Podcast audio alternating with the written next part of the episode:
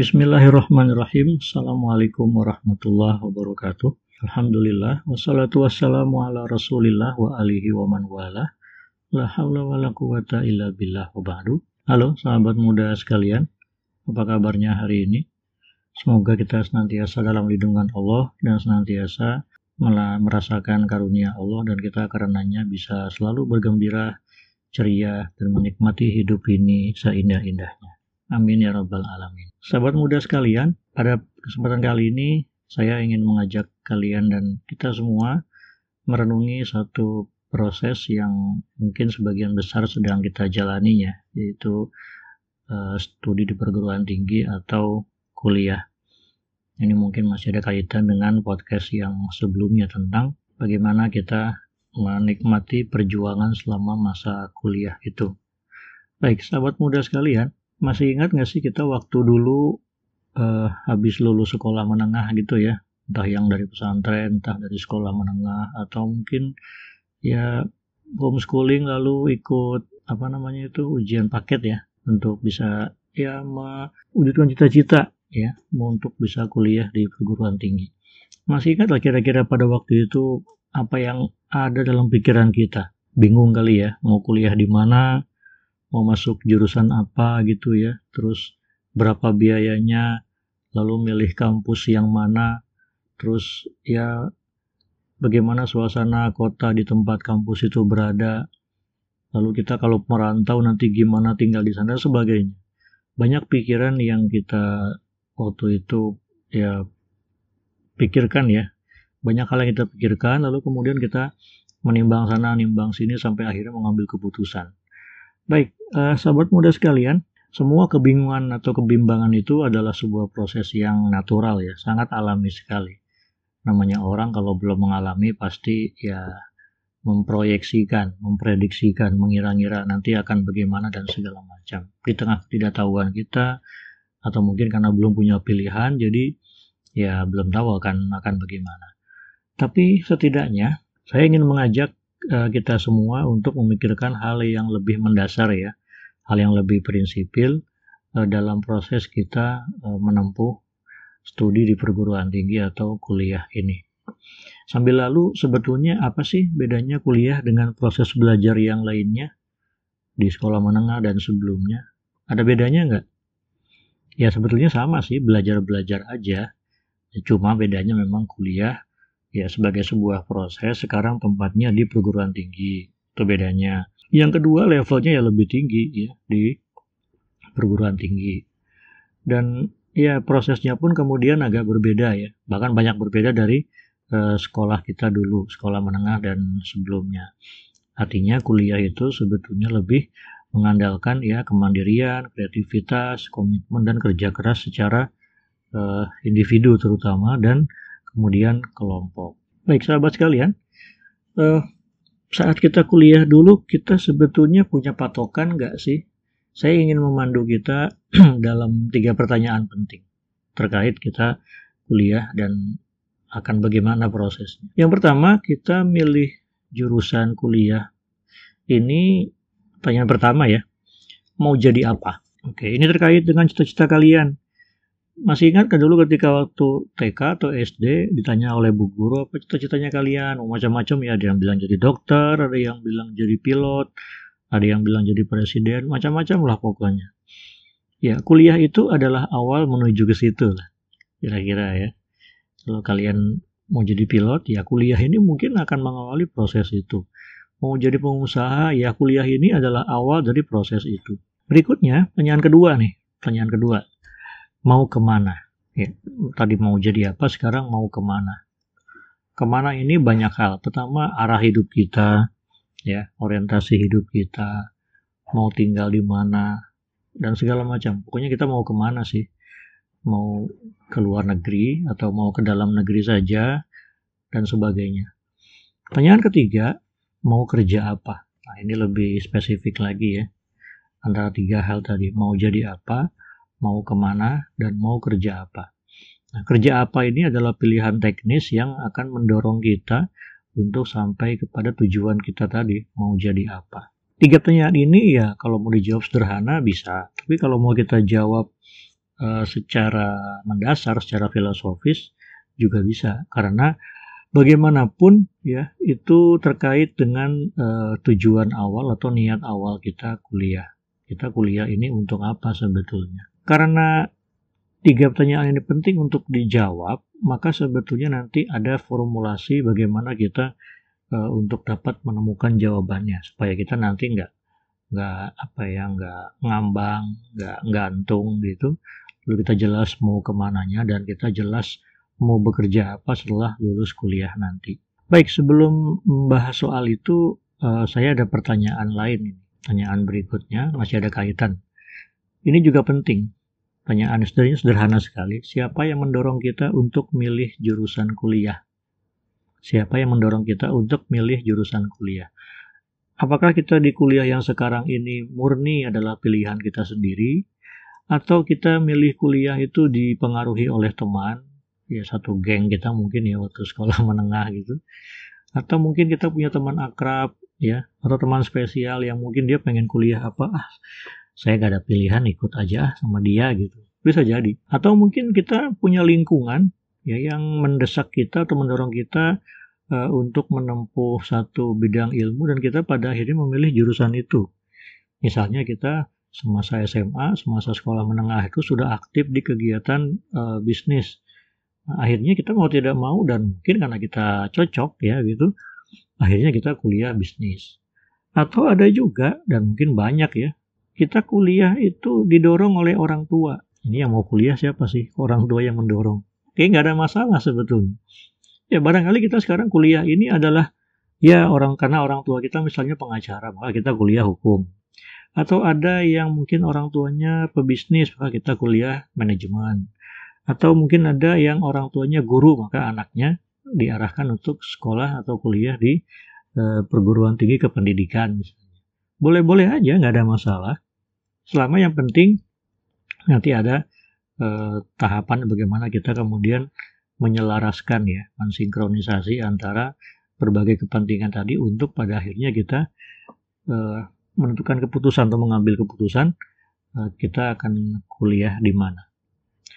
Baik sahabat muda sekalian, uh, saya ingin menyatakan satu hal penting bahwa terkait dengan pertanyaan tadi, mau jadi apa, mau ke mana, mau kerja apa, dan siapa yang mendorong kita untuk milih jurusan kuliah tertentu, hal yang paling mendasar dari itu semua adalah yang penting niat kita kuliah itu untuk apa sih, mau apa sih, mau bagaimana sih, begitu ya.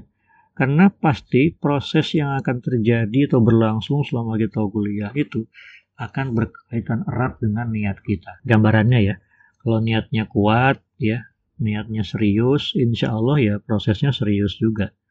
Tapi kalau niatnya ya asal kuliah, asal dapat gelar sarjana, asal bisa ya dapat ilmu gitu, ya sudah deh cukup. Ya bisa dibayangkan ya gimana prosesnya kemudian naik turun roller coaster atau mungkin ya bulak belok ke sana kemari gitu ya ada aja lah pokoknya yang terkait dengan niat tadi. Biasanya kalau orang niatnya kuat itu fokusnya juga terjaga. Nah kalau orang misalnya niatnya itu nggak maksimal, ya gitu deh di jalannya ya. Toleh kiri, toleh kanan, mampir sana, mampir sini. Ibarat kalian mau pergi dari Jakarta ke Bandung, ya nggak fokus ke Bandung, tapi ya asal nyampe aja, ya sudah nanti di jalan tol ada rest area, mampir berhenti lihat-lihat kalau lapar ya makan udah makan ah, ah lihat itu enak beli lagi bisa dibayangkan perjalanan kalian ke Bandung yang tadinya mungkin cuma tiga atau empat jam bisa habis berapa lama itu kalau prosesnya seperti itu ya nah indikator yang kedua sahabat muda sekalian uh, setelah niat tadi itu dalam prosesnya nah ini kalau niat kita benar dan nanti prosesnya itu sungguh-sungguh yang terjadi apakah kita menikmati proses kuliah sekarang ini? Ayo kembalikan ke diri kita masing-masing ya. Apakah kita menikmati proses kuliah yang sekarang ini? Jawabannya apa? Kalau kita menikmati proses kuliah yang sekarang, ya insya Allah kita cocok, lalu kita bisa mendapatkan harapan ya untuk uh, bisa melakukan sesuatu setelah kita kuliah nanti dengan ilmu yang sekarang kita pelajari. Karena kita suka menikmati proses. Tapi bayangkan jika yang terjadi sebaliknya. Kita udah kuliah jauh-jauh, merantau, orang tua korban, ya banyak korban materi, korban macam-macam. Tapi kita di perantauan, di tempat kuliah malah begitu-begitu aja. Tiap hari galau bawaannya, tiap hari bingung mau ngapain, masuk kelas nggak jelas gitu ya, ketemu dosen bingung, ketemu teman serba salah. Bisa dibayangkan, pengorbanan orang tua tidak sebanding dengan usaha kita selama menjalani proses itu. Nah, itu berarti bahwa memang kita kuliah itu nggak cocok dengan bidang ilmunya. Entah kita mungkin nggak paham-paham atau mungkin kita dikasih tugas nggak pernah maksimal, baca buku nggak pernah ngerti, pada akhirnya ya sudah. Ya konsekuensinya nilai sih. Yang paling dekat, yang paling real itu nilai-nilai kita nggak maksimal. Jadi sahabat muda sekalian, kalau memang kita menikmati kuliah, itu berarti kita cocok dan sesuai dengan passion kita. Dan jika memang kuliah itu tidak kita nikmati, entah karena mungkin kita nggak cocok, ya saran saya sih ya, ambil sikap atau pilihan, serta ambil keputusan apakah kita akan lanjut atau uh, pindah jurusan. Tapi ini ada yang menarik ya, ada seorang uh, orang tua lah katakan. Beliau cerita begini, ada beliau punya teman, anaknya tuh kuliah di sebuah perguruan tinggi ternama lah, negeri gitu ya. Jadi dia kuliah ini atas saran orang tuanya orang tuanya mendorong dia kuliah jurusan A supaya jadi A begitu. Oke, dia nurut, nggak banyak bicara, dia nurut, daftar, ikut ujian masuk, ya lulus, keterima, lalu kuliah happy happy aja, semua baik baik saja sampai lulus jadi sarjana. Setelah lulus, ini yang menarik bahwa setelah jadi sarjana, setelah wisuda, dia pulang, dia bilang sama orang tuanya, ayah, ibu, aku udah selesai, ini udah selesai jadi sarjana, sudah wisuda, ini toganya, ini ijazahnya, aku serahkan ke bapak sama ibu atau ayah sama mama. Ya karena memang ini dulu kuliah aku ini kan ayah ibu yang pengen gitu ya. Nah sekarang izinkan aku untuk kerja, cari uang, lalu kuliah lagi sesuai ilmu yang aku minati. Gitu. Artinya dia kuliah dulu itu memang ingin menyenangkan hati orang tua dan menuruti ya kehendak orang tua. Setelah lulus, ya kalau memang orang tua misalnya targetnya ya lulus, selesai, wisuda segala macam, ini hasilnya sudah selesai. Aku kembalikan. Sekarang aku kerja, izinkan aku kerja, lalu aku uh, kuliah lagi sesuai dengan yang aku minati. Passion aku di mana? Luar biasa ya. Itu contoh aja sih untuk bagaimana kita menyelaraskan antara ya banyak hal tentang uh, motivasi yang mendorong kita untuk kuliah itu. Oke, sahabat muda sekalian, yang mau saya tekankan berikutnya adalah sebetulnya bahwa kuliah itu yang paling mendasar nih ya, yang paling prinsipil dan agak filosofis sedikit. Kuliah itu kan ya pasti belajar untuk mencari dan dapat ilmu. Jadi jangan dibayangkan bahwa tujuan akhir perkuliahan itu adalah kerjaan. Bukan, pekerjaan itu konsekuensi. Pekerjaan itu adalah kelanjutan. Ya, bukan bukan tujuan itu sendiri. Pekerjaan adalah sebuah proses. Jadi yang paling mendasar untuk kita kuliah adalah ya dapat ilmunya. Kalau kita tujuannya pekerjaan, sementara kita waktu prosesnya nggak maksimal, mau cari ke mana pun pekerjaan bakal susah. Percaya deh. Tapi kalau kita ya punya ilmu yang mapan dan keahlian yang memadai, bahkan hanya kuliah 4 tahun sekalipun kalau kita prosesnya maksimal, insya Allah kerjaan itu gampang. Gampang banget. Udah banyak deh cerita kakak kelas kalian ya, alumni-alumni itu yang ya bahkan belum belum lulus itu udah dilamar kerja. Bayangin, bukan ngelamar kerja tapi dilamar kerja. Itu kalau dia memang prosesnya mapan. Ya, selama kuliah aktif segala macam jadi ketika dia menjelang lulus, dia udah punya pilihan akan ke mana, bahkan udah udah dapat tempat gitu lewat magang dan sebagainya. Jadi bukan hal bukan hal sulit sebetulnya kalau kita memang punya keahlian yang memadai. Tapi kalau kita prosesnya nggak maksimal, kuliah angin-anginan, nilainya asal, asal dapat gitu ya, udah mana kita nggak aktif di organisasi, dengan dosen hubungan kita nggak bagus-bagus amat, lulus berharap kerja, ya siap-siap berjuang deh gitu ya. Saat orang lain sudah punya sudah dapat sudah bisa kita malah masih cari sana cari sini dan segala macam lah. Akhirnya kita menjadi uh, terlambat dibandingkan orang lain. Baik sahabat muda sekalian ya orang pasti sudah memahami kalau memang tujuan kuliah itu ya banyak ya. Sesuai dengan niat masing-masing juga sebetulnya. Nah sekarang jika seandainya nanti pada akhirnya kita untuk kerja itu ngelamar sana, ngelamar sini, nggak dapat dapat gitu ya, maka mungkin ada skenario Allah yang lain ini. Ya, saat kita mungkin sulit untuk mencari kerja, boleh jadi Allah menghendaki kita ya untuk membuka lapangan kerja, untuk menciptakan pekerjaan sendiri dan memberikan lahan pekerjaan bagi orang lain. Itu lebih luar biasa loh. Itulah kenapa sekarang banyak kampus misalnya membuka kelas-kelas kewirausahaan, ya kelas-kelas uh, yang mendidik mahasiswa untuk ya berbisnis dari awal, berbisnis sedini mungkin sehingga kemudian ya masing-masing bisa menemukan passionnya lalu merintis usaha itu yang sekarang dikenal di dunia bisnis dengan nama startup itu ya. Nah itu merupakan sebuah terobosan sekarang. Jadi sudah banyak alternatif sekarang kalau untuk kita selesai kuliah, bahkan ketika masih kuliah pun kita sudah bisa menyusun rencana. Tapi mungkin ada juga pekerjaan yang memang harus dimulai setelah lulus, misalkan jadi diplomat gitu ya. Ya, jadi diplomat waktu masih mahasiswa belum bisa, paling cuma bisa magang saja di kantor mana begitu, di Kementerian Luar Negeri misalnya. Baru setelah lulus ya dia berjibaku untuk ikut seleksi supaya lolos jadi uh, pegawai di diplomat misalnya. Tapi kalau misalnya kita sudah punya passion dan ah ketemu teman yang menarik ini untuk diajak bikin startup, ya sudah, mulai dari sekarang secepatnya, tidak usah menunda lagi. Karena semua pencapaian, semua proses kita menuju pencapaian itu tidak akan ada artinya kalau kita tidak pernah memulai. Betul kan ya? Jadi kata kuncinya adalah memulai. Jadi jangan pernah menunda.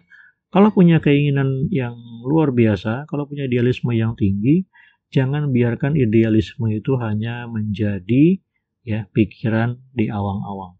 Tapi cari teman, ya cari kolaborasi, diskusilah, berpikirlah terbuka semuanya untuk kemudian berkomitmen bersama-sama mewujudkan idealisme itu.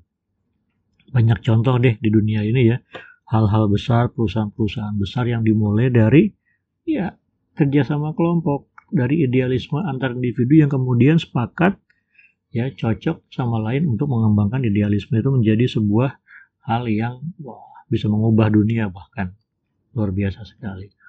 Baik sahabat muda sekalian, kita kembali ke topik awal kita tentang uh, kuliah untuk apa dan untuk siapa.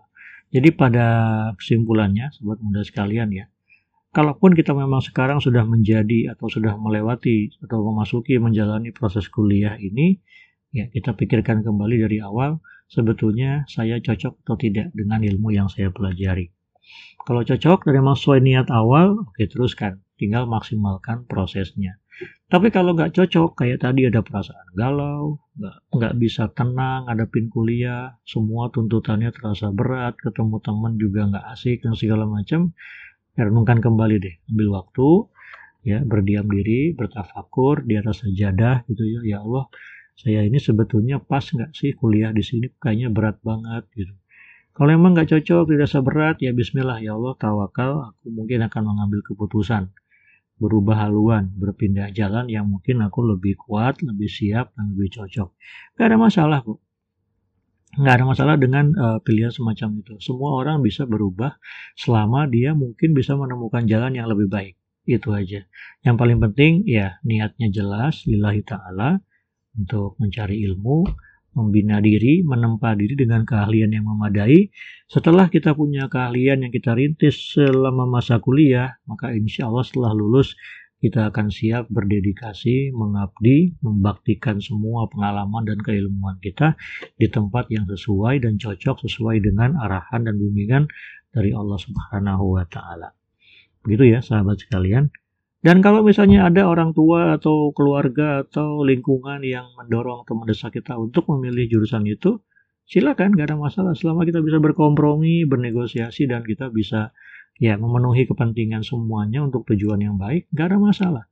Nggak ada masalah yang penting, ya bagaimanapun orang tua harus tetap ridho, kan gitu ya. Jangan sampai kita kemudian memilih sesuatu tapi orang tua malah nggak ridho. Itu nanti hasilnya malah uh, tidak bagus buat semua. Oke, sahabat sekalian, uh, sampai di sini dulu uh, podcast kita pada kesempatan kali ini. Semoga ada manfaatnya dan bisa memberikan pemikiran yang semakin positif dan menguatkan uh, pilihan serta proses perjalanan kita selama menempuh studi di perguruan tinggi. Terima kasih. Wassalamualaikum warahmatullahi wabarakatuh.